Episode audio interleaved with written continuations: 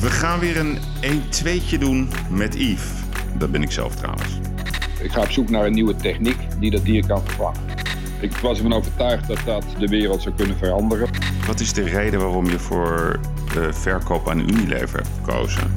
Jij was getrouwd met Marianne Thieme. Was dat nuttig in die periode?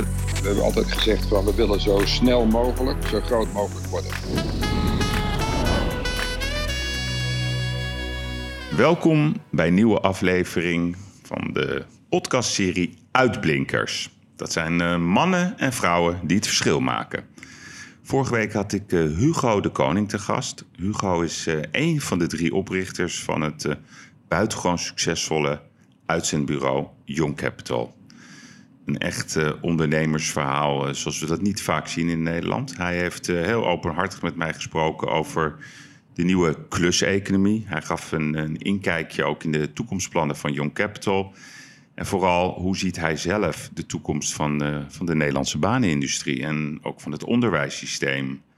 En de toekomst voor jongeren, die natuurlijk ook graag perspectief willen weten. Ik vond het een, een heel mooi en interessant gesprek. En uh, ja, buitengewoon veel respect hoe uh, deze mannen vanuit een zolderkamertje een imperium hebben opgebouwd met meer dan 500 miljoen euro omzet. Deze week is mijn uitblinker Jaap Korteweg. Hij is uh, de medeoprichter van de Vegetarische Slager. Dit bedrijf zien wij terug in de schappen, bij Albert Heijn, bij de Jumbo, noem het allemaal op. De vleesvervangers, zeg maar. En ja, de producten worden inmiddels in meer dan 30 landen verkocht. In 2018 verkochten zij het bedrijf aan Unilever voor een niet nader bekendgemaakte overnameprijs. Ik ga hem toch nog één keer vragen wat nou die prijs precies was. En recentelijk uh, op social media kwamen zij met een beloning, een soort Winston Gerstanovic-mededeling van 2,5 miljoen euro. Wie kan het schimmel vinden? Nou, dat ga ik hem vragen hoe dat precies werkt. Maar ik wil vooral van hem weten hoe hij de toekomst ook ziet ja, van de voedselindustrie. En hoe kijkt hij naar de situatie van de boeren in Nederland? Hij was zelf voor slotverrekening ook boer. Dus ik denk dat het nu tijd wordt om te gaan bellen met Jaap Kortweg. Met Jaap. Ja, Jaap, goedemorgen met Yves Geiraat. Hallo. Ja. Hoi, goedemorgen Yves. We doen het even via de WhatsApp, hè? ja, prima. Prima, dat werkt beter. Ja. ja, heel leuk. Nou, Jaap, ja, ik mag Jaap zeggen, toch? Ja, ja, graag. Heel goed. Je bent uh, de uitblinker van deze week. En uh, ja, dan willen we natuurlijk gelijk weten waar jij deze week in hebt uitgeblonken. Deze week? Ja. Hmm, die, is nog, die is nog jong, hè, deze week? Ja, nou kijk maar terug naar de laatste week dan. Nou ja, goed, deze week. Ik ben gisteren, gisteren is die begonnen. Dus ik ben gisteren bezig geweest met uh, hier in mijn kas om daar paadjes aan te leggen van uh, oude steenschotten. Dus dat is het deze week geweest in ieder geval. Ja. Dus een beetje bouw, bouwvakker geweest. En dat is, ook, dat is ook een beetje mijn hobby. Dus, uh. oh, het is ook nog eens een goede bouwvakker. Hey, nou, um... nee, nee, nee, nee, nee. Maar goed, het is wel. Het, het is oh. het, nee, ik, ik, wil niet zeggen dat ik een goede ben, maar het is wel wat het geweest is deze week. Oké. Ja, ik ben echt uh, heel buitengewoon nieuwsgierig naar, naar, het succes van uh, de vegetarische slager. En ik was eigenlijk benieuwd, hoe zijn jullie begonnen? Dit heb jij gedaan met je compagnon Nico Kofferman. Um, wat was de dag dat jullie begonnen? Hoe ging dat? Ja, we zijn het niet samen begonnen. Er is wel sprake van geweest. Maar um, ik ben het alleen begonnen en uh, Nico heeft wel van het begin af aan meegedacht. Hmm. Um, maar hij is pas later echt ingestapt in het bedrijf, een jaar of drie later. Want wanneer was, uh, wanneer was dat, uh, zeg maar de eerste stapjes?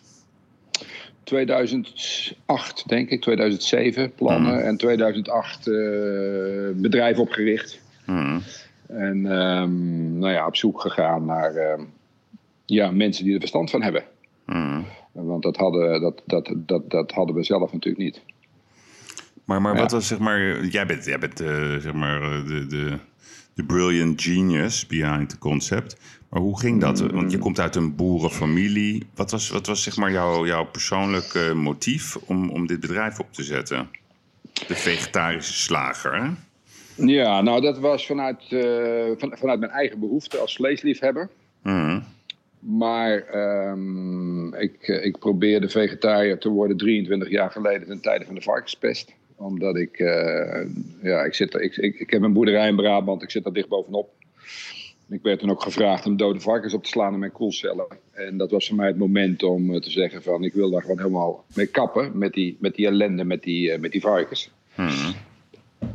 En toen kwam ik erachter hoe moeilijk het is als vleesliefhebber om ermee te stoppen. Dus um, nou ja, daar heb ik een aantal jaren mee geworsteld. En op enig moment besloten, jaren later, toen ik de mogelijkheden had. Ik had, ik had uh, zeg maar tijd en geld om erin te investeren.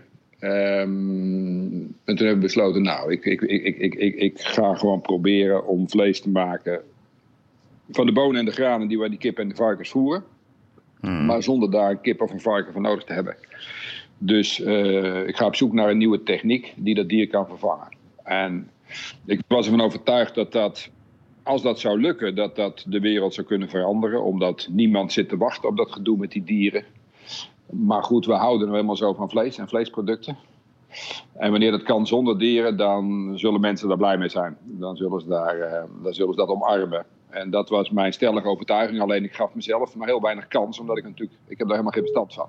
Mm Maar ik vond het um, ja, zo'n mooi idee en ook wel zo, uh, ja. En, en, ik was ervan overtuigd van het idee, dat ik dacht, ik wil het in ieder geval gaan proberen. En zo is dat, uh, zo is dat begonnen. Mm. En, want, want zeg maar, eet jij nu nog vlees of, of nooit meer? Nee, ik eet zelf al lang geen vlees meer. Hè. Dus het is inderdaad, uh, ik ben het voor mezelf begonnen. Dus toen ik, nou ja, ik, een aantal jaren voor ik begon met de vegetarische lager, was ik al helemaal vegetariër. Dat heeft wel een jaar of zeven geduurd. Maar ik ben er 23 jaar geleden mee begonnen. Met het proberen. Hmm. En, um, maar goed, nog steeds vleesliefhebber, dat blijf je. En, en, en, en dat is dus de zoektocht geweest. Hoe gaan we gewoon vlees maken voor de vleesliefhebber? Ja, het nieuwe vlees. Want, want ja, kijk, ik, ik zeg je heel eerlijk, uh, ik ben zelf ook een enorme liefhebber van vlees. En ik heb, best ik heb vanochtend nog even, uh, zeg maar, een, uh, ben ik even naar de supermarkt gegaan om een, om een pakketje te kopen van jullie. Van de vegetarische slaag. Nou ja, we gaan het straks even over hebben. Het is niet meer jouw bedrijf, maar zoals het vroeger was in ieder geval. de vegan kipstukjes. En ik heb ook wel eens die, die, die vleesproducten gegeten. Maar niks kan op tegen zo'n heerlijke ribeye uh, op de grill met, uh, met, met pepersaus. Of zie ik dat verkeerd? Ja, die hebben we nog niet in het assortiment. Hè? Dus dat, dat, dat, uh, daar, wordt wel, daar, daar, daar, wordt wel aan gewerkt. Hmm. we zijn bezig met de biefstukmachine. Daar werken we al jaren aan. Samen met Wageningen Universiteit. Hmm. Um, en die komt er ook aan, dus ik ben er wel van overtuigd dat we dat ook voor elkaar gaan krijgen op termijn. Maar de producten die we nu hebben, dus de hamburgers, de, de kipstukjes, daar houden we vleesinkopers, topchefs en topslagers mee voor de gek. Mm. Dus dat lukt heel goed. Ja, nee, maar ik bedoel meer gewoon, gewoon die, die, die, die heerlijke smaak, dat gerookte en dat malse, dat, dat, dat, dat vinden we toch niet terug uh, zeg maar bij, bij, bij, de, ja, bij de producten zoals die nu in het schap liggen. Dat is wat ik bedoel. Dus hè, mensen willen ja, ook... dat, is, dat is echt het kleinste probleem, gerookt. Want dat kun je, hè, roken, dat is natuurlijk een proces wat niks te maken heeft met vlees. Dus mm. dat, kan, dat kan prima. En die smaak, ja, dat lukt toch ook. Uh, kijk, het is niet voor niks dat wij ja, topchefs voor de gek houden met topslagers. We hebben, dat is al in, in de begintijd, in 2013 deden we mee aan de gehaktballenwedstrijd van de Telegraaf. Hmm. De, gouden, de gouden bal. Ja. Toen waren we in concurrentie met 43 ambachtelijke gehaktballen en we kregen de derde prijs. Ja. Dus dat kan allemaal wel, alleen het, het, het, het, is natuurlijk het is, het is nog relatief klein, hoewel het heel hard groeit. We zijn van, toen ik begon was het anderhalf procent van de vleesmarkt, het nieuwe, het nieuwe vegetarische vlees. Hmm. Nu is dat gegroeid naar vijf, dus dat is redelijk spectaculair. En met de groei komt ook steeds meer innovatie. Je ziet nu ook dat na de overname door Unilever. Ja, wij deden dat met twee mensen, die productontwikkeling. Hmm. Nu zit daar een veelvoud op. Hè. Nu, nu werken ze met veertig mensen om die producten te ontwikkelen. Hmm. En het is mijn stellige overtuiging dat we, wat jij noemt, die rib eye of een, of een biefstuk dat we er op enig moment in slagen om het zelfs beter te doen. Want je weet ook dat een goede biefstuk is ook nog wel een zoektocht. Hè? Ik bedoel, de, de, de, ze zijn niet allemaal even goed. Nee, nee, nee, zeker ehm, niet. Met de processen die wij ontwikkelen, de technieken, kun je altijd een perfecte biefstuk hebben. Hmm. Dat zit eraan te komen. Ja, nee, maar je noemde net de Telegraaf, hè, 2013, dat jullie prijs hadden. Maar de Telegraaf had ook laatst een onderzoek gedaan onder zijn lezers. Is, is vegavlees een vooruitgang? En 78% van de lezers die zei van nee, dat vinden wij van niet. Te veel zout, te veel E-nummers. Wat, wat, wat, wat, wat bedoelen ze daarmee, die lezers? Ja, ik denk dat het vooroordelen zijn, want dat klopt niet. Mhm. Het is natuurlijk zo, er is een algemene trend uh, voor zoutverlaging. En dat, daar zijn we ook mee bezig. Eh, als je bijvoorbeeld spek hebt, uh, of bijvoorbeeld een, een, rookworst, dan zit er natuurlijk in de vleesvariant ook zout. Ja.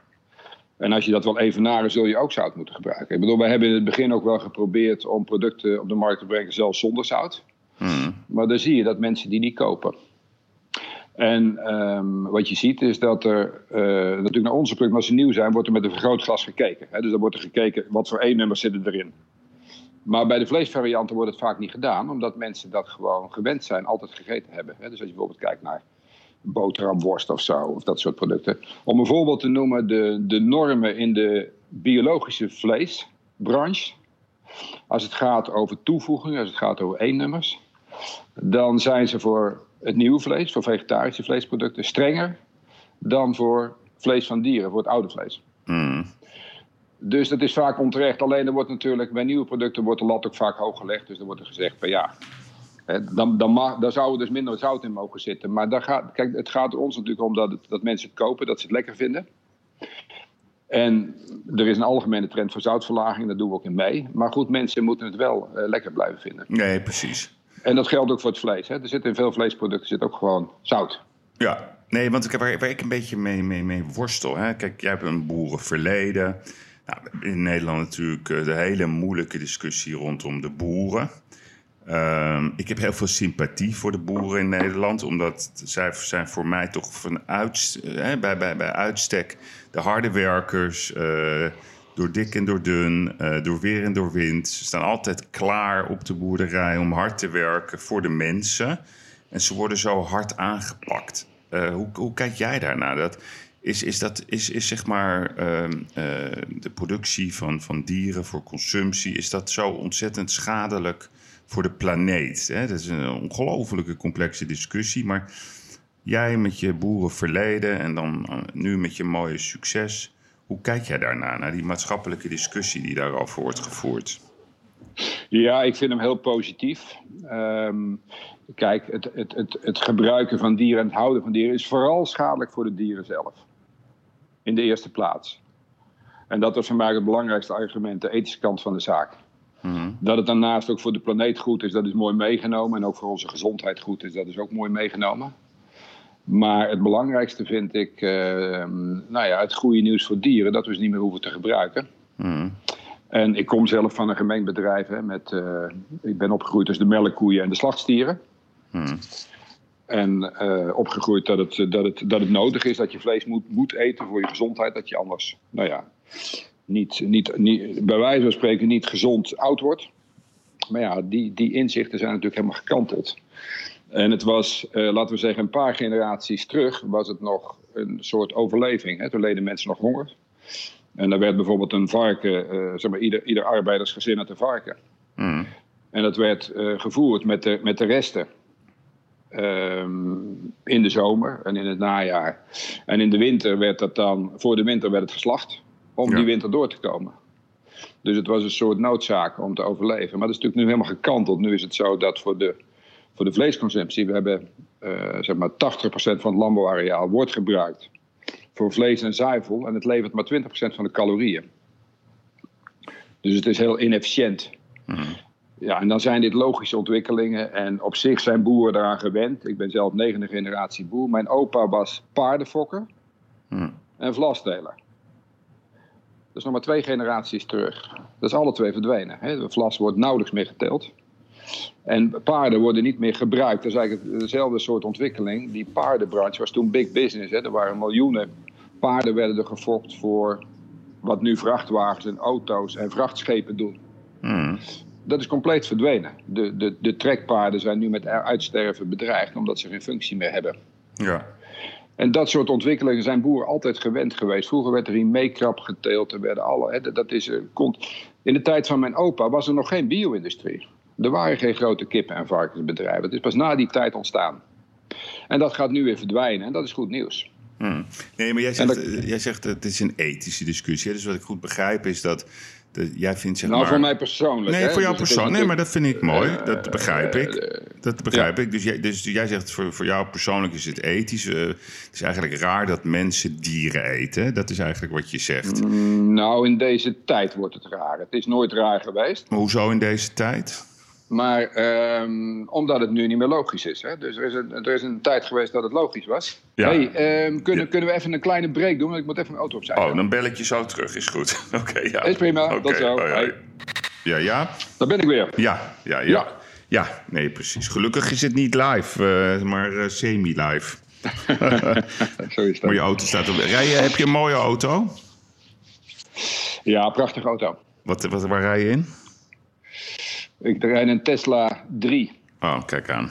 Lekker, heel duurzaam, hè, zeggen ze. ja. Nou, het rijdt in ieder geval fantastisch. Ja, ja, ja, nee, weet ik. Ik heb er ook wel eens in gezeten. Ja. Je moet dat erg opletten met het optrekken, want het lijkt net een soort raketstation als je in die auto zit.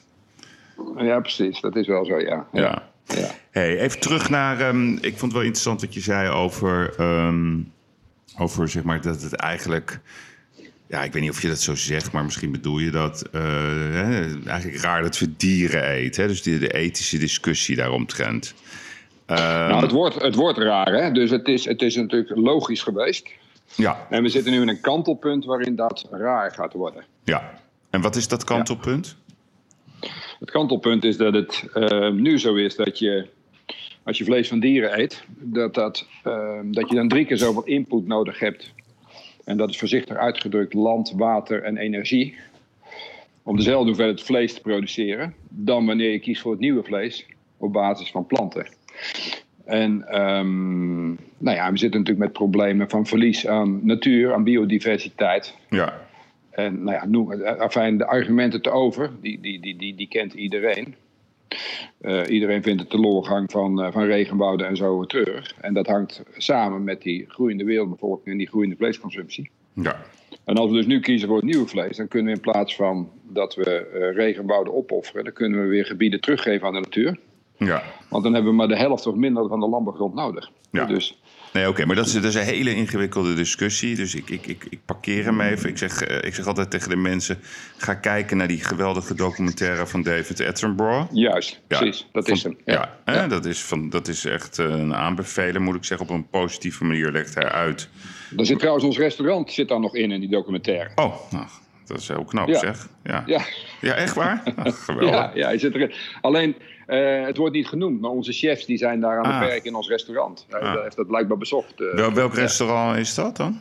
Dat was de vleeslobby in Den Haag. Ah, oké, de vleesloop. Nee, ik vond het een hele, hele goede documentaire. Ik kan niet anders zeggen. Hij legt het gewoon rustig uit en laat de kijker zelf zijn conclusies trekken. Maar ik wil even met je terug naar.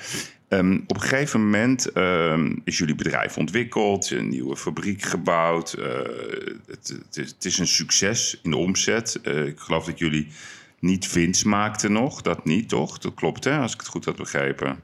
Ja, we maakten weer wat winst. Alleen in, het jaar van de overname, de opstart van de fabriek, toen was dat weer net niet. Hè. Dus de, dat was precies in het, in het opstartjaar van de fabriek. Dus we hadden die jaren daarvoor wel winst gemaakt. Bescheiden winst. Bescheiden maar, winst. Maar goed, het is een echte, ja. echte start-up. Uh, met, Ja. Tegenwoordig trouwens hoef je geen winst te maken hoor, om een hoge waardering te krijgen. Dus het schijnt in Amerika ook een beetje een soort de nieuwe trend te zijn als je maar kan groeien.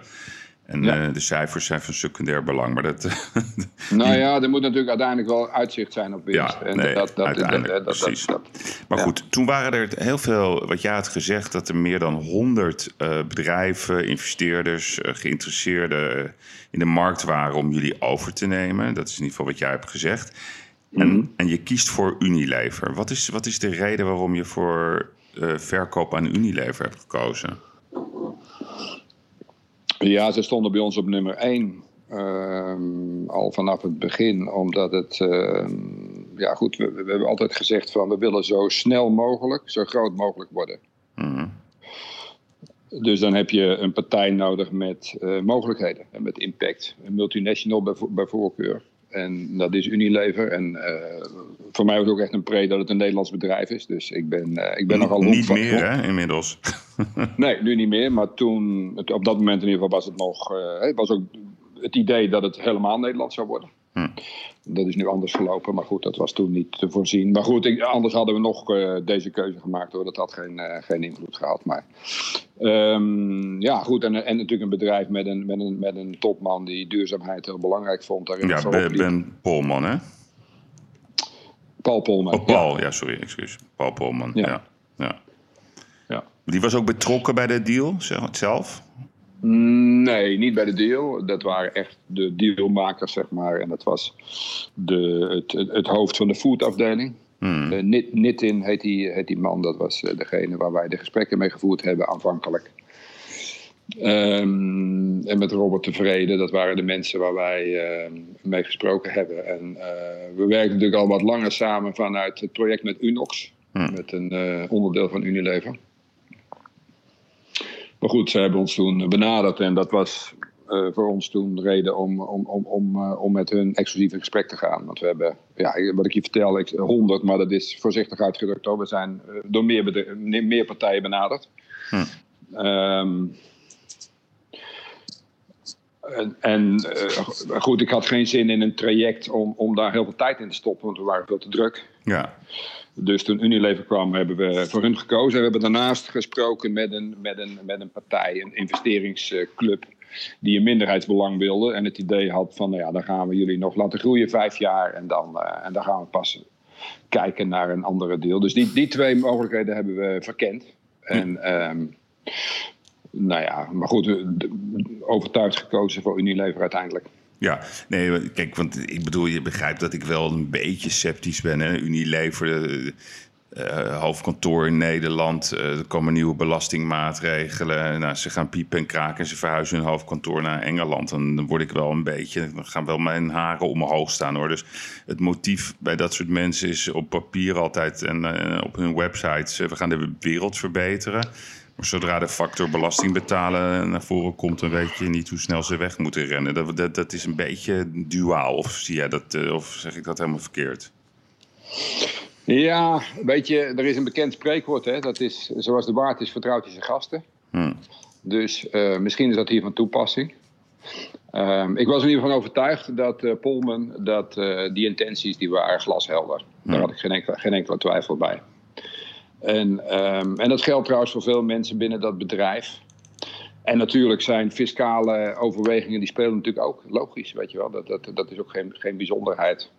En ik, ik weet daar natuurlijk verder helemaal niks van wat de overwegingen zijn geweest. Nee.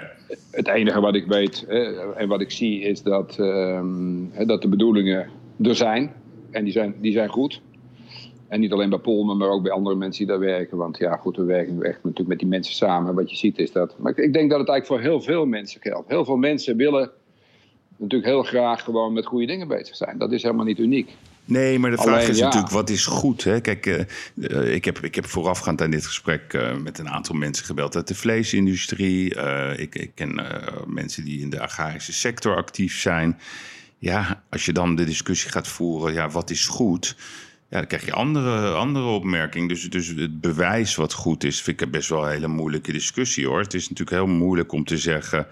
Uh, wat Unilever doet, ja, dat is allemaal fantastisch. En de hele wereld moet uh, verduurzamen. En uh, vlees eten is niet goed voor de wereld. Ja, ik weet niet of dat zo is. Ik geloof het graag. Ik heb zelf ook wel moeite mee om, om levende dieren te eten. Als je daar gewoon vanuit moreel oogpunt over denkt. Maar dan, dan, dan, dan, ja, ik word altijd een beetje, een beetje triestig als ik dat soort berichten dan lees van zo'n hoofdkantoor die, en aandeelhouders die achter Unilever zitten. En maar om één reden verhuizen. En dat is gewoon een fiscale correctie. Ja, dan kan je wel zeggen, zoals de Waardstatische gasten. Dan zeg ik, uh, de appel valt niet ver van de boom tegen Unilever. Dus snap je? Ik vind het, uh, ik vind het een beetje raar. Dat is dus, maar dat is gewoon misschien mijn natuurlijke sceptici, sceptisch gevoel ten opzichte van multinationals. Ook Shell, die altijd hele grote verhalen roepen in de media. Maar uiteindelijk gaat het vaak om aandeelhouderswinst, waar niks mis mee is. Ik bedoel, daar ben ik niet op tegen. Maar ik vind die moraliteitsdiscussie ongelooflijk complex. Ja, ik vind het wel interessant wat je zegt. Ehm, want wat je natuurlijk nu echt heel duidelijk ziet, en Shell is ook een prachtig voorbeeld, is dat natuurlijk er ook wel steeds meer gekeken wordt naar aandeelhouderswinst op termijn. En ik vind daarvan is het allermooiste voorbeeld is Tesla. Dat is een bedrijf wat natuurlijk nog, nou ja, als je, als je, als je kijkt naar die winst ten opzichte van de waardering, dan slaat dat natuurlijk helemaal nergens op. Nee. En ook niet als je kijkt naar de omzet. Dat is puur alleen maar gericht op wat mensen verwachten op termijn wat er gaat gebeuren. En um, nou ja, Tesla is nu meer waard dan de complete Duitse autobranche bij elkaar. Ja. En dat is echt een lange termijn uh, perspectief is dat. Ook van die aandeelhouders. Dus ik bedoel, aandeelhouders dat zijn ook gewoon mensen. En, daar heb je, en je hebt allerlei types daartussen. En wat je nu natuurlijk ziet met Shell, nou ja, ik geloof dat uh, ExxonMobil, het Amerikaanse bedrijf, die zijn nu van de beurs gehaald zelfs. Die zijn, dat, dat, was het duurste bedrijf nog tien jaar geleden. Die zijn gewoon verdwenen. Hmm. En bedrijven als Shell, ik bedoel, je zegt ze kijken alleen maar naar aandeelhouderswaarde. Ja, maar goed, dat perspectief verandert natuurlijk. Aandeelhouderswaarde, dat betekent nu vooruitkijken en dat wordt steeds belangrijker. Nee, maar kijk, dat, is, dat doen ze vaak onder druk. Hè? Ik, ik vind het altijd heel fijn als mensen het menen en dat ze het niet zeggen vanuit een, vanuit een soort dubbel uh, pettenbelang. Bijvoorbeeld, je gaf als voorbeeld Tesla. Ik ken dat bedrijf heel erg goed. Ik heb ook uh, met de directie Nederland uh, regelmatig contact.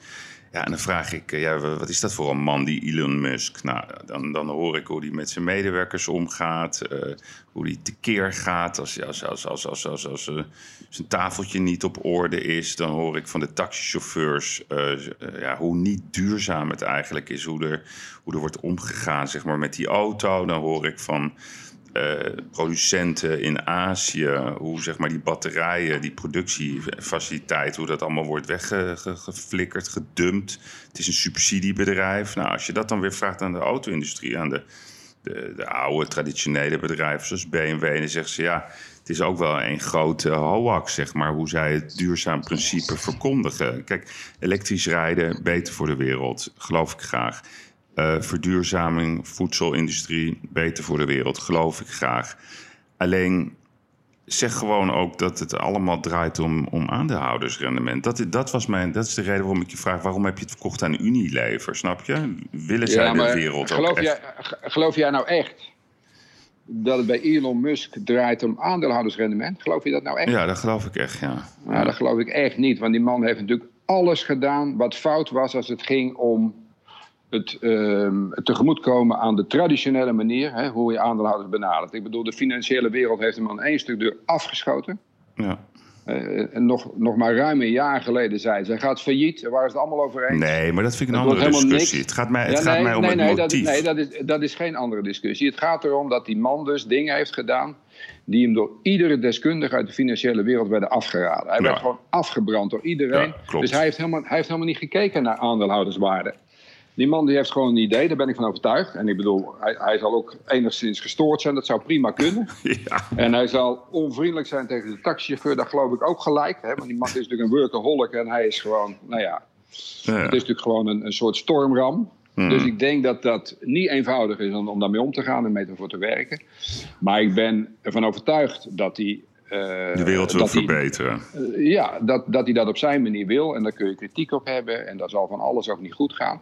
Maar hij heeft er wel voor gezorgd dat de complete autobranche is gekanteld. Ja, en nee, dat het gaat gebeuren. Ja, nee, en dat de rest het ook. Hè? En dus die man die heeft fantastisch werk gedaan. Nee, daar, En- op dat onderdeel ben ik het met je eens. Hè. Dus, dus, dus zeg maar, ehm, hij is absoluut ligt aan de basis aan de, zeg maar de, verandering van de auto-industrie. Dus, dit- dus hulde voor, voor, voor, voor dat principe. En ja, eh, zeg maar, de grote genieën zijn meestal ook grote gekken. Dat is gewoon een Ja. feit. Ja, en volgens mij eh, begrijp jij ook wel dat het. eh, eh, best wel complex is om bedrijven heel groot te maken. Er zijn heel veel factoren die daar allemaal bij komen kijken, wat mensen vaak niet begrijpen. Dat ben ik ook met je eens. Alleen, ja, ik word altijd een beetje allergisch van, van mensen die zich zo profileren en, en zo bezig zijn met de, met, zeg maar, met de hoogte van hun banksaldo. Ehm, Ja, maar wie, ja, maar wie is daar dan mee bezig? Ja, ik bedoel, je haalt nou twee, eh, twee voorbeelden aan. Zeg maar. Je zegt Unilever. Nou, ik geloof oprecht dat dus eh, Paul Polman de goede intenties had. En dat hij veel minder bezig was met de hoogte van zijn banksaldo. Voor mij heeft hij nog heel erg voor gepleit om zijn inkomen zelfs ja, op, laag, het einde, op het einde. Hij heeft dat nooit eerder gedaan, weet je. Dus dat, nou ja, goed. Ik vond het zo. Ja, op het einde deed hij dat. Toen ging je dat ook vertellen dat hij een boek had geschreven. Hij ging, weet je, het, de, heilige, de heilige Maria spelen. Terwijl hij dat natuurlijk al veel eerder had kunnen doen. Dus dat, is, dat, dat vind ik window dressing, snap je? Ik, ik hou ja, ja, ik ben okay. dat niet. Nee, goed, mag, nee, mag, maar, mag, maar, mag. Nee, hoeft ook hè? niet eens te zijn. ja. Nee, oké, maar we gaan... We Ik gaan, we gaan dat wel. Ja, oké, nee, dat is goed. Maar toch even nog even naar... Op een gegeven moment, je verkoopt aan Unilever. Je hebt daar niet eh, over willen zeggen eh, wat de verkoopprijs was. Hè? Dus dat is ook moeilijk om dat uit hun jaarrekening te achterhalen. Ik begreep dat het net onder de 30 miljoen eh, lag. Klopt dat of niet? Nee, dat klopt niet. Maar dat, is, eh, Nee. maar dat, ge- dat geeft ook niet. Waarom, waarom wil je dat niet zeggen? Wat is de reden daarvan? Waarom? Het is toch een, het is toch gewoon een beursgenoteerd bedrijf? Kom. Ja, nou goed. Ik, ik moet, ik, zelfs mijn eigen familie eh, heb ik het niet tegen verteld. Hm. En eh, dat bevalt me tot nu toe uitstekend. Dus ik, ja, dat, Ja, maar dat, gewoon, eh, wat is de reden? Is dat... eh, Ik zou het eigenlijk niet weten. Nee? gezegd. Ik heb niet, niet echt, er is ook geen afspraak met Unilever of zo. Nee. Het, is, eh, eh, het is zo begonnen en, eh, en het bevalt me gewoon goed. Dus ja, dat is misschien een goede reden als iets Ja, goed bevalt nee, maar dat- om het te blijven doen. Nee, oké. Ja. Nee, maar dat is gewoon voor jezelf, voor je eigen gemoedsrust. Want wat, wat, ik, Ja.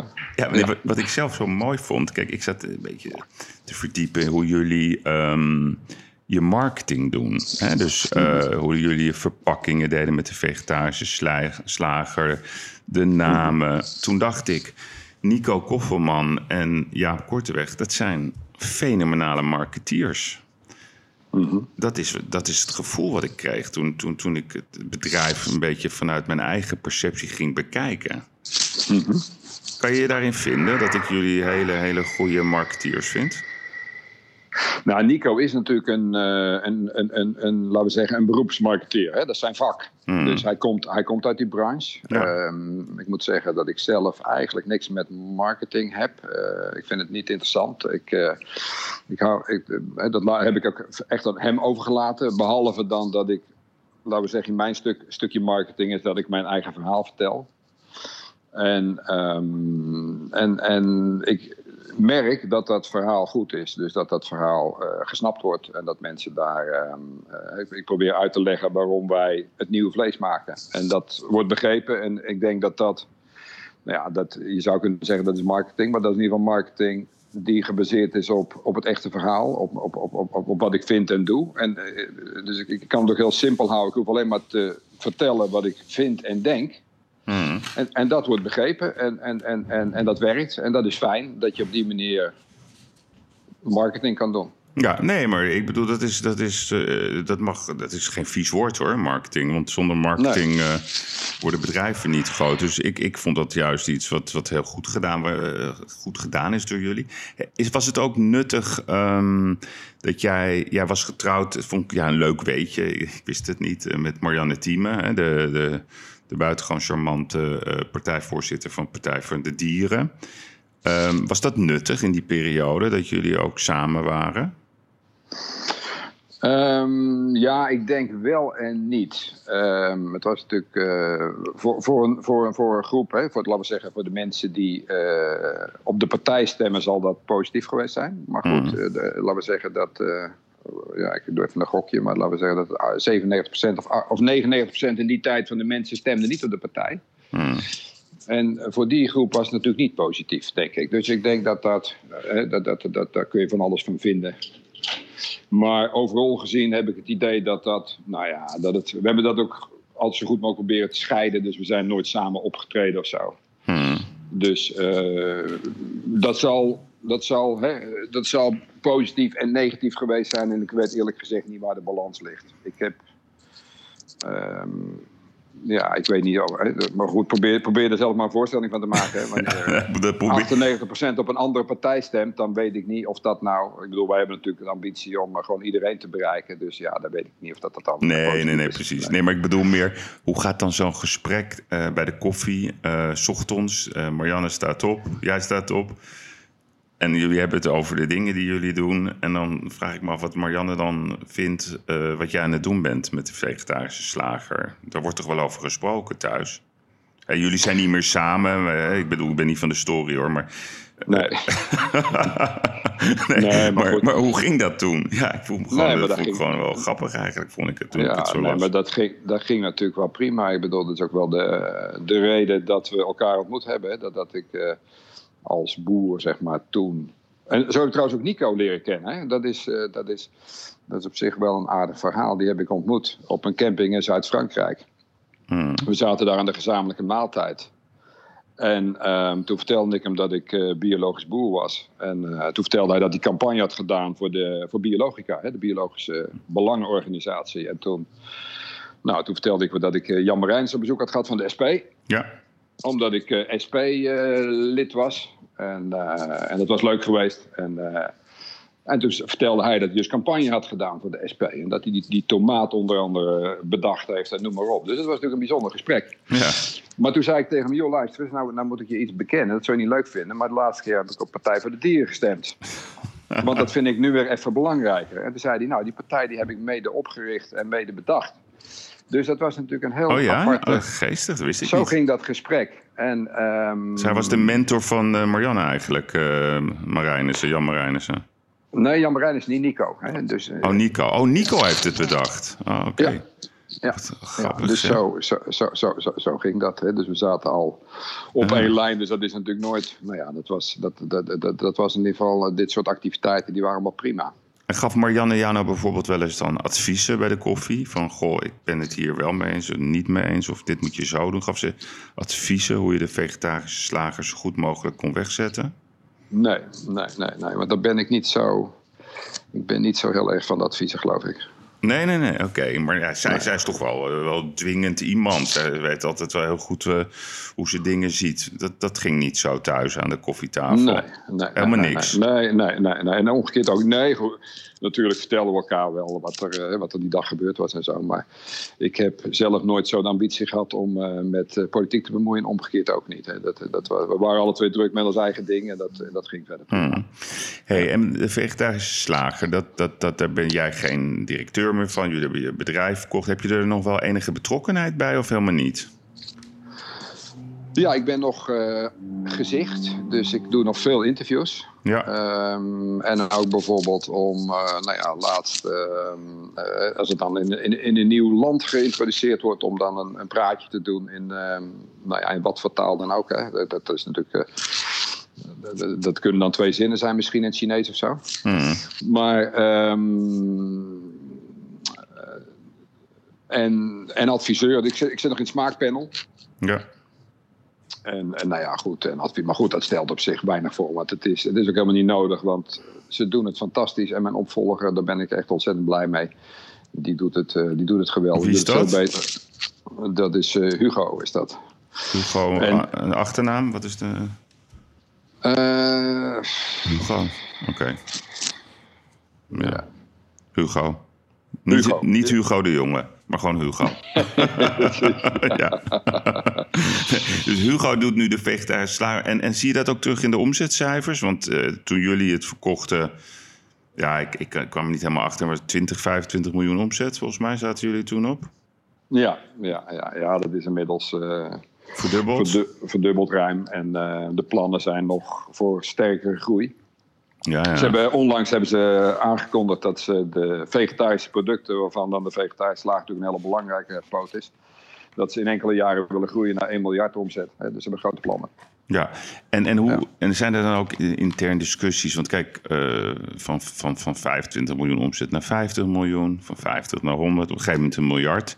Dat zijn heel wat plastic eh, bakjes eh, vlees. Wat is, hoe, Ja. hoe- ja, dat is natuurlijk, dan krijg je natuurlijk de, de, de milieubeweging achter je aan van, hey, jullie, jullie verkopen te veel plastic. Hoe wordt die discussie gevoerd intern bij Unilever? Mm, Ja, dat zou je echt aan mensen daar moeten vragen. Maar ik weet wel dat zij ehm, hè, daar natuurlijk ook mee bezig zijn om dat te verminderen. Door, door andere plastics te gebruiken, dunnere, betere kwaliteit, noem maar op. Hè. Dus dat is iets wat daar ook. En dat is ook wel fijn, dat merk ik. Want wij hadden natuurlijk met de vegetarische slager eh, in mijn tijd. Ja, dan ben je natuurlijk veroordeeld tot wat er op de markt is. Hè. Dan, is er, dan is er gewoon een plastic bakje en dan moet je het ongeveer mee doen. Hmm. Maar zij hebben natuurlijk veel meer mogelijkheden om dat te sturen met hun omzetten.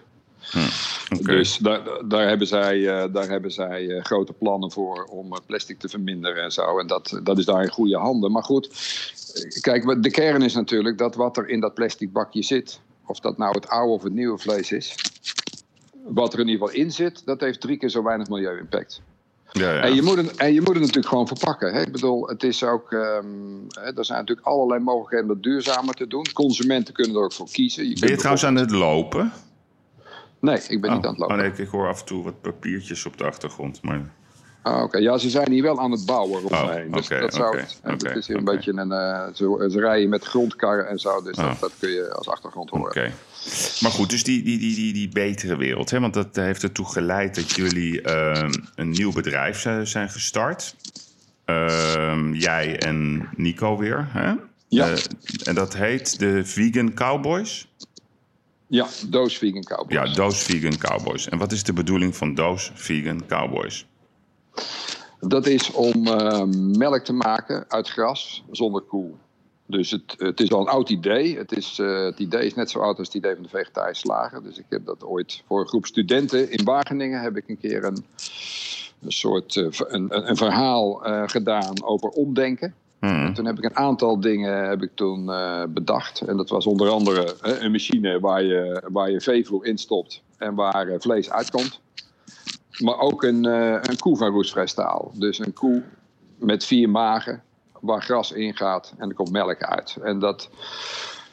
Ik heb eigenlijk al die jaren gezegd dat ik met de bezig was. Als dat nou op poten staat en ik heb uh, tijd om weer andere dingen te doen, dan is dat het volgende project. Dus zo zijn we ook uh, gestart. En nu inderdaad, nu samen met Nico gelijk vanaf het begin.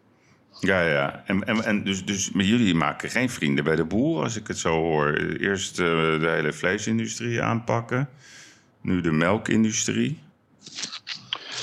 Ja, ik moet zeggen, ik, ik, ik kom natuurlijk. Hè, ik, ik, ik, ik, ik, um, ik, uh, ik spreek veel boeren. Ik, ik woon in de omgeving waar ik opgegroeid ben. Ik kom nooit boze boeren tegen. Ik heb er nog, in al die jaren nog niet één tegengekomen. Okay. Uh, natuurlijk op internet zijn ze boos. Ja. Maar als ik. Uh, ik heb bijvoorbeeld op het pluimveecongres gesproken met 300 pluimveehouders.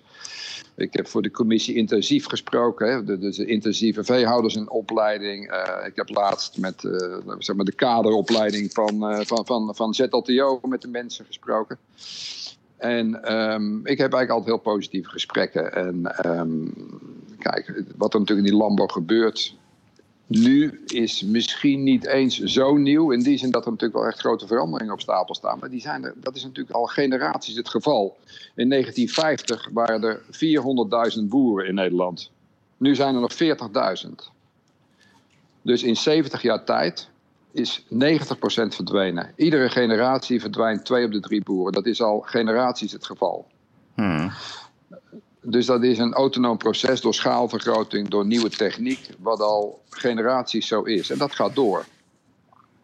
Kijk, in het geval van de, van de melk uh, is dat ook wel een aardige ontwikkeling. Wat je natuurlijk gezien in mijn opa, die, in de tijd van mijn opa werd er nog met de hand gemolken. Hmm. Hij is toen al begonnen met de melkmachine. Dus dat praat je zo net na de Tweede Wereldoorlog. Toen gingen er heel veel mensen uit. Ehm, met die opkomst van die machines zijn, zijn natuurlijk eh, naast de boerenbedrijven zijn er natuurlijk ook heel veel arbeiders verdwenen uit, uit de landbouw. Heel veel werkgelegenheid. En dat is altijd uh, moeizaam gegaan natuurlijk. Dat is nooit fijn, dat soort ontwikkelingen. Hè. ik ken de verhaal van mijn opa dat er dan uh, machines gesaboteerd werden. Dat, dat er stokken, uh, stalen palen in het graan gestoken werden om de graanmaaiers te saboteren. Dat, dat, maar, maar die, die 40.000 boeren, hè, want kijk, ik bedoel, die, zijn, die zien we vaak op tv. Um, ja, kijk, Caroline Schouten, die, die is verantwoordelijk in Nederland voor het landbouwbeleid. Wordt jou ook wel eens gevraagd van, goh, hoe kunnen we de boeren in Nederland helpen om een nieuwe voedselindustrie te bouwen? Ja, ja. En hoe zie je dat dan? Um, nou ja, in het geval van de melk, om het even concreet te maken, is het redelijk eenvoudig. Dus die melkmachine is opgevolgd door de melkrobot.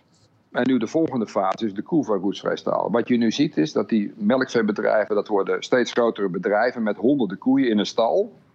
Worden niet meer met de hand gemolken, gaat allemaal automatisch. Um, zelfs het voer wordt automatisch uit de wei gehaald. Hè. Er zijn tegenwoordig machines die, nou ja, een nieuwe ontwikkeling van Lely. Hè. Dat is een, een maaimachine die zelf het gras gaat halen zonder chauffeur. brengt dat naar de koeien die gemolken worden door de melkrobot, neemt de mest terug, mee terug naar het land. Nou ja, alles geautomatiseerd. Kijk, dan is het eigenlijk logisch om te zeggen van laten we die, die koe vervangen door een koe van roestvrij staal. Er verandert niet eens zoveel. We blijven dat gras, dat, uh, dat hebben we nodig om die melk te maken. Alleen uh, wordt de koe vervangen door de echte melkmachine. Want ja, de melkmachines tot nu toe zijn apparaten waar je koe mee melkt. Maar dit is een machine die echt melk maakt uit gras. En ja, dat, dat, is weer, dat zal weer een volgende stap zijn. En daar zullen boeren um, uh, op inspelen. Als dat gaat lukken. Ik bedoel, we staan aan het begin en, en het moet allemaal nog gebeuren. Maar als dat gaat lukken, gaat dat gewoon door. En is dat de volgende stap. Ja, ik vind het ook wel beangstigend. Dus we gaan naar een soort robotisering van de agrarische sector. Dus robotten gaan eigenlijk uh, het werk van de boeren overnemen. Uh, ja, maar dat is nu wel volop gaande. Hè? Nee, bedoel, weet ik wel. Maar het, het is, ja, ik is, weet niet of is, ik het heel leuk vind. Misschien is dat een goede, goede toelichting erop. Want hoe, kijk ja. Jij, ja, hoe zie jij dat dan? Over, laten we zeggen, over tien jaar. Hè? Hoe ziet die hele voedselindustrie eruit volgens jou? Nou ja, het, het, het, het, het grappige is, hè, dus je zegt, ik, ik vind het geen prettig vooruitzicht. Nee. Maar je ziet natuurlijk dat mensen nooit terug willen. Dus laten we zeggen, je zou nog steeds koeien met de hand kunnen melken. Dat zou je kunnen doen. Maar dat zeg ik niet, hè? dat is niet wat ik zeg. Ik, ik, bedoel, er zijn ook tussenoplossingen mogelijk. Maar, maar dat alles maar... Kijk, bijvoorbeeld in, in Taiwan, ik sprak die jongens van Philips... Ja, daar, daar, daar gaat gewoon die, die, die, die tv-toestellen, dat is gewoon een druk op de knop. En dat gaat allemaal, uh, ja, zeg maar, op basis van robots. Dus de mensen, ja, die worden op een gegeven moment gewoon ja, eigenlijk vervangen door robots. Dat is wat ik bedoel. Dat, dat vind ik geen prettig vooruitzicht. Ja, ik vind het zelf wel een prettig vooruitzicht, omdat het ons, denk ik, vrijheid geeft. En natuurlijk is het zo dat het, uh, vrijheid is ook uh, uh, lastig soms voor mensen. Hè? Want het is, het, is, het is soms prettig om iets te moeten. Maar mensen moeten toch ook geld verdienen, of niet?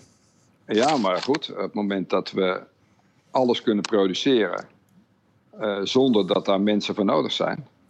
Nou, dan kunnen we, dan kunnen we dat prima. Dan, dan, dan is het veel meer een politieke afweging en een economische van hoe gaan we het verdelen. Ja, exact. En, en nou ja, ik ben in die zin ook groot voorstander van het, uh, van het basisinkomen. Ik denk echt dat dat een, uh, een hele belangrijke en goede ontwikkeling zou zijn. Dat mensen niet meer hoeven te werken voor hun geld. Want dat is ook feitelijk wat er gaat gebeuren. We kunnen gewoon. En wie, gaat dan de, en wie, wie betaalt dan de belastingen? Um, die zouden we kunnen uh, innen door zeg maar, energie en allerlei onduurzame activiteiten te belasten. Hm. En daar, daar de belasting uit te halen. En dat, dat stimuleert dan vanzelf weer het duurzaam gebruik van uh, grondstoffen en het, en het zuinig omgaan met energie. Ja, maar dit klinkt wel heel SP hoor. Dit klinkt bijna communistisch dat zeg maar we gaan iedereen gratis geld geven.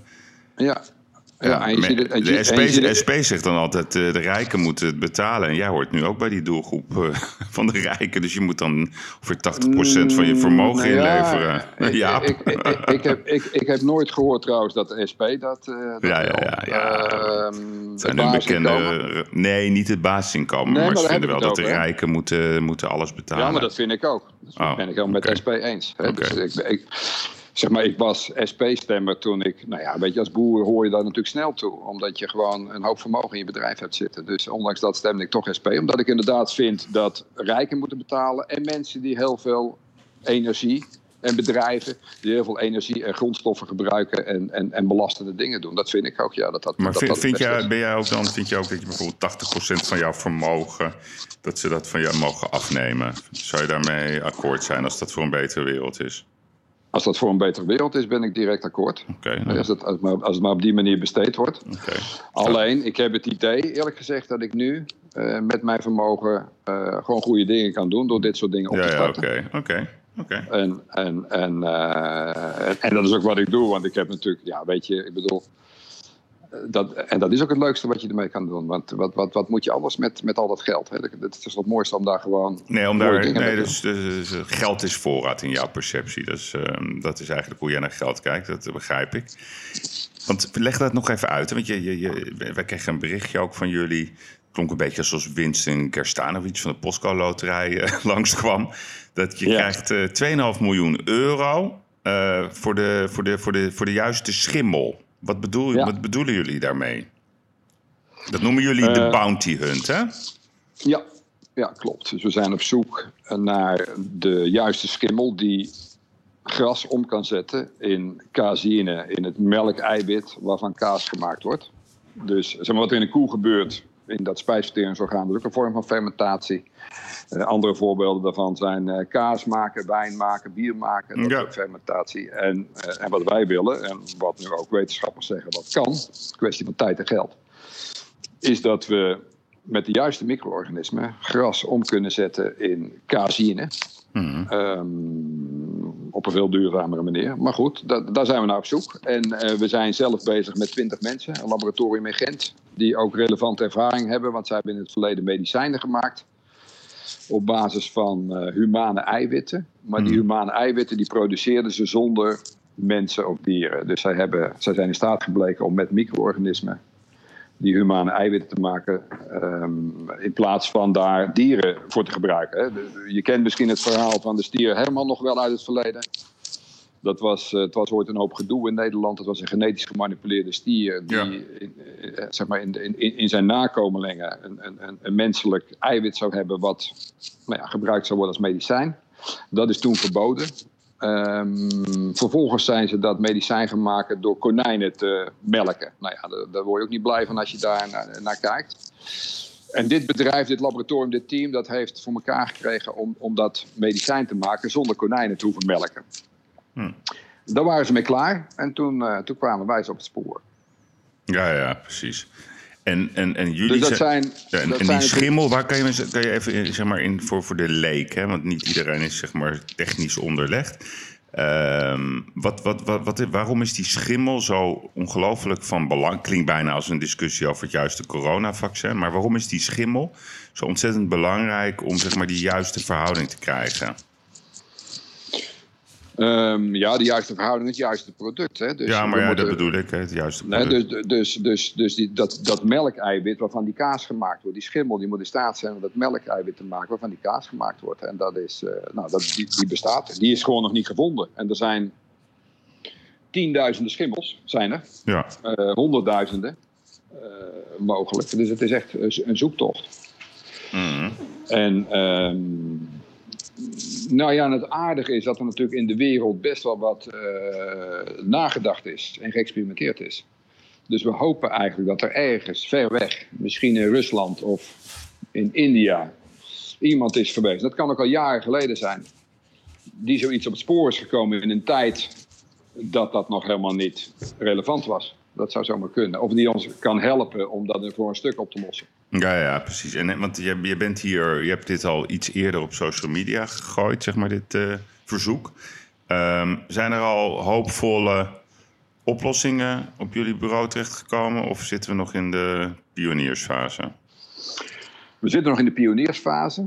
Um, we hebben nog niet alles, uh, want we hebben best wel wat binnengekregen, hebben nog niet allemaal kunnen bekijken. Maar in ieder geval, ik kan nog, niet, ik kan nog geen hoera roepen op dit moment. Dat we het al helemaal voor elkaar hebben. Nee. Maar ik bedoel, dat zou ook wel fantastisch zijn als dat natuurlijk het geval zou zijn. Het, het, het kan ook heel goed zijn dat het natuurlijk mensen zijn met ideeën hoe we in ieder geval één of twee stapjes verder kunnen komen. En die zijn ook heel waardevol. Hmm. Ja, oké, nou we gaan het volgen.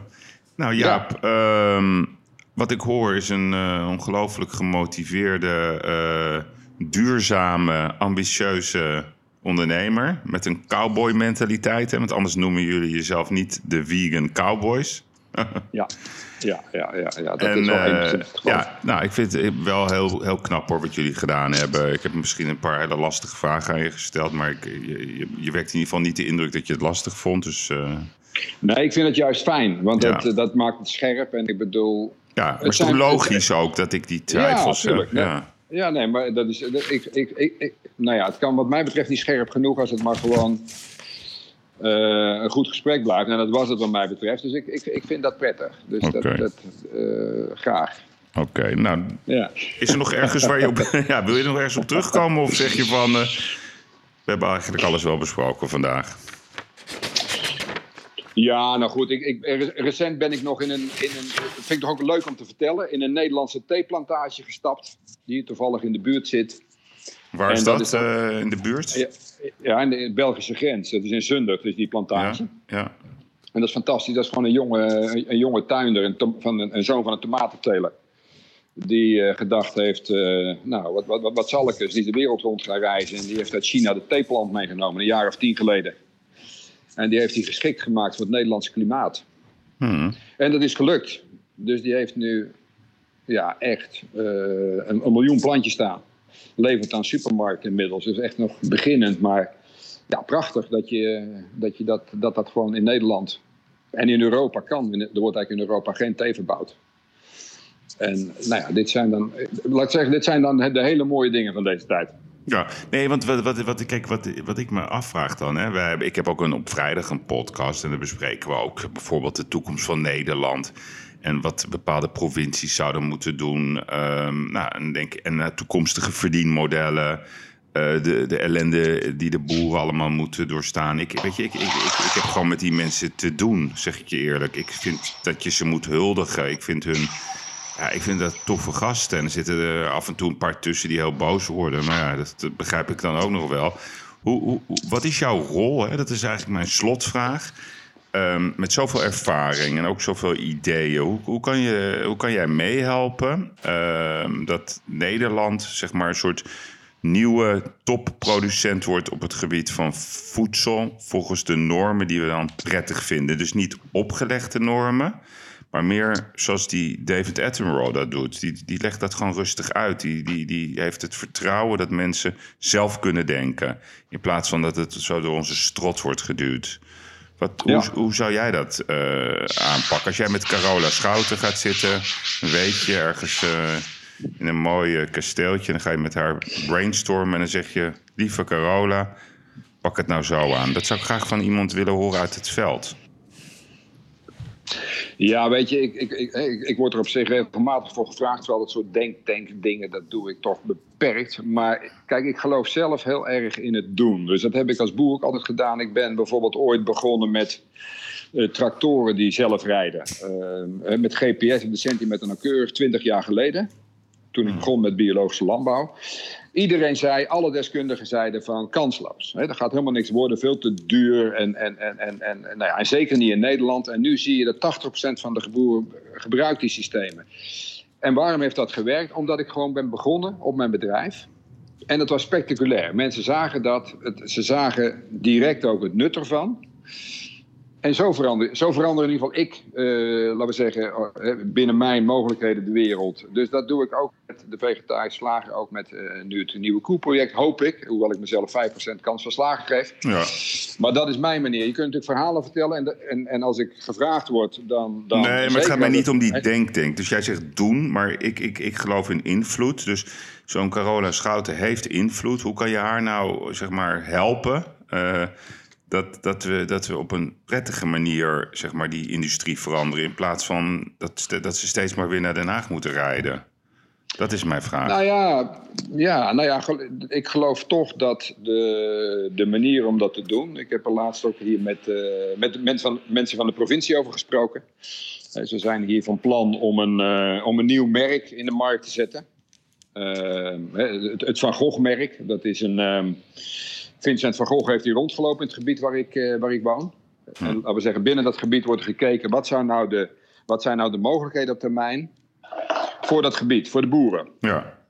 Nou, en, en, en, mijn inbreng is geweest dat ik zeg van wat je moet doen is 25 jaar vooruit proberen te kijken. Hmm. En dat moet je gaan doen. En dat, en dat ga je, dan, en je begint dan met een beperkte groep boeren die dat willen, die dat durven. Ja. Die de mogelijkheden hebben om te investeren. En als dat werkt, dan kan dat hier, dan kan dat hier een Silicon Valley van de landbouw worden. Ja, ja, precies. Maar het, het heeft dan geen zin om iedereen mee te laten doen, want dan, wordt het, dan heeft het natuurlijk geen inhoud. Dan is het gewoon dan is het niks. Hè? Alleen maar, dan is het inderdaad alleen maar greenwashing. Maar als je echt zegt van nou, wij gaan hier ver voor de muziek uitlopen, we investeren daarin. En hier bedoel je, zeg maar, welk gebied van Nederland is dat? Het gebied... Uh... Dat is het gebied in, uh, in Brabant waar Vincent van Gogh heeft rondgescharreld in zijn tijd. Nee, maar zeg maar Brabant als Silicon Valley van de, van de landbouw, dat is... Uh...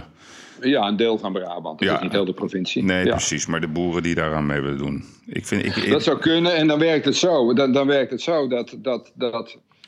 Ja, weet je, als, als, als dat lukt en het heeft echt inhoud...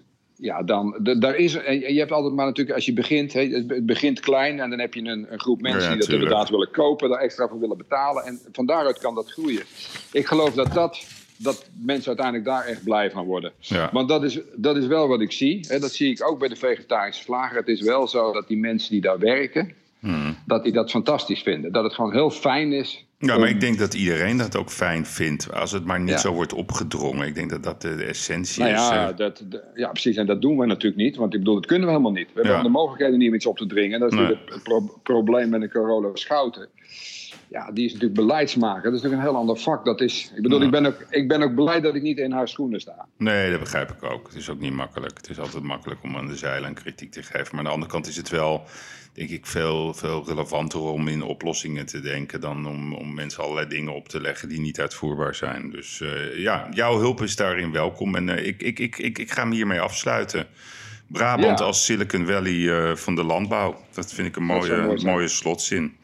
Jaap, ik wil je hartelijk bedanken voor je bijdrage. En uh, ik wens je in ieder geval een hele goede week toe. Bedankt. Ja, jij ook. Oké, okay, dankjewel. Dag, dag. Bye. Dank voor het luisteren. Dit was uh, de uitblinker van deze week. Jaap Kortweg, boeiende man. Komende vrijdag ben ik er weer met een nieuwe podcastshow van de Gigs. En dan nemen we de week weer door. En dan bel ik altijd met mijn vaste compaan Erik de Vlieger. Wij zeggen altijd riemen vast. En volgende week ben ik weer terug met een nieuwe uitblinker. En voor nu zeg ik tegen u een hele mooie week.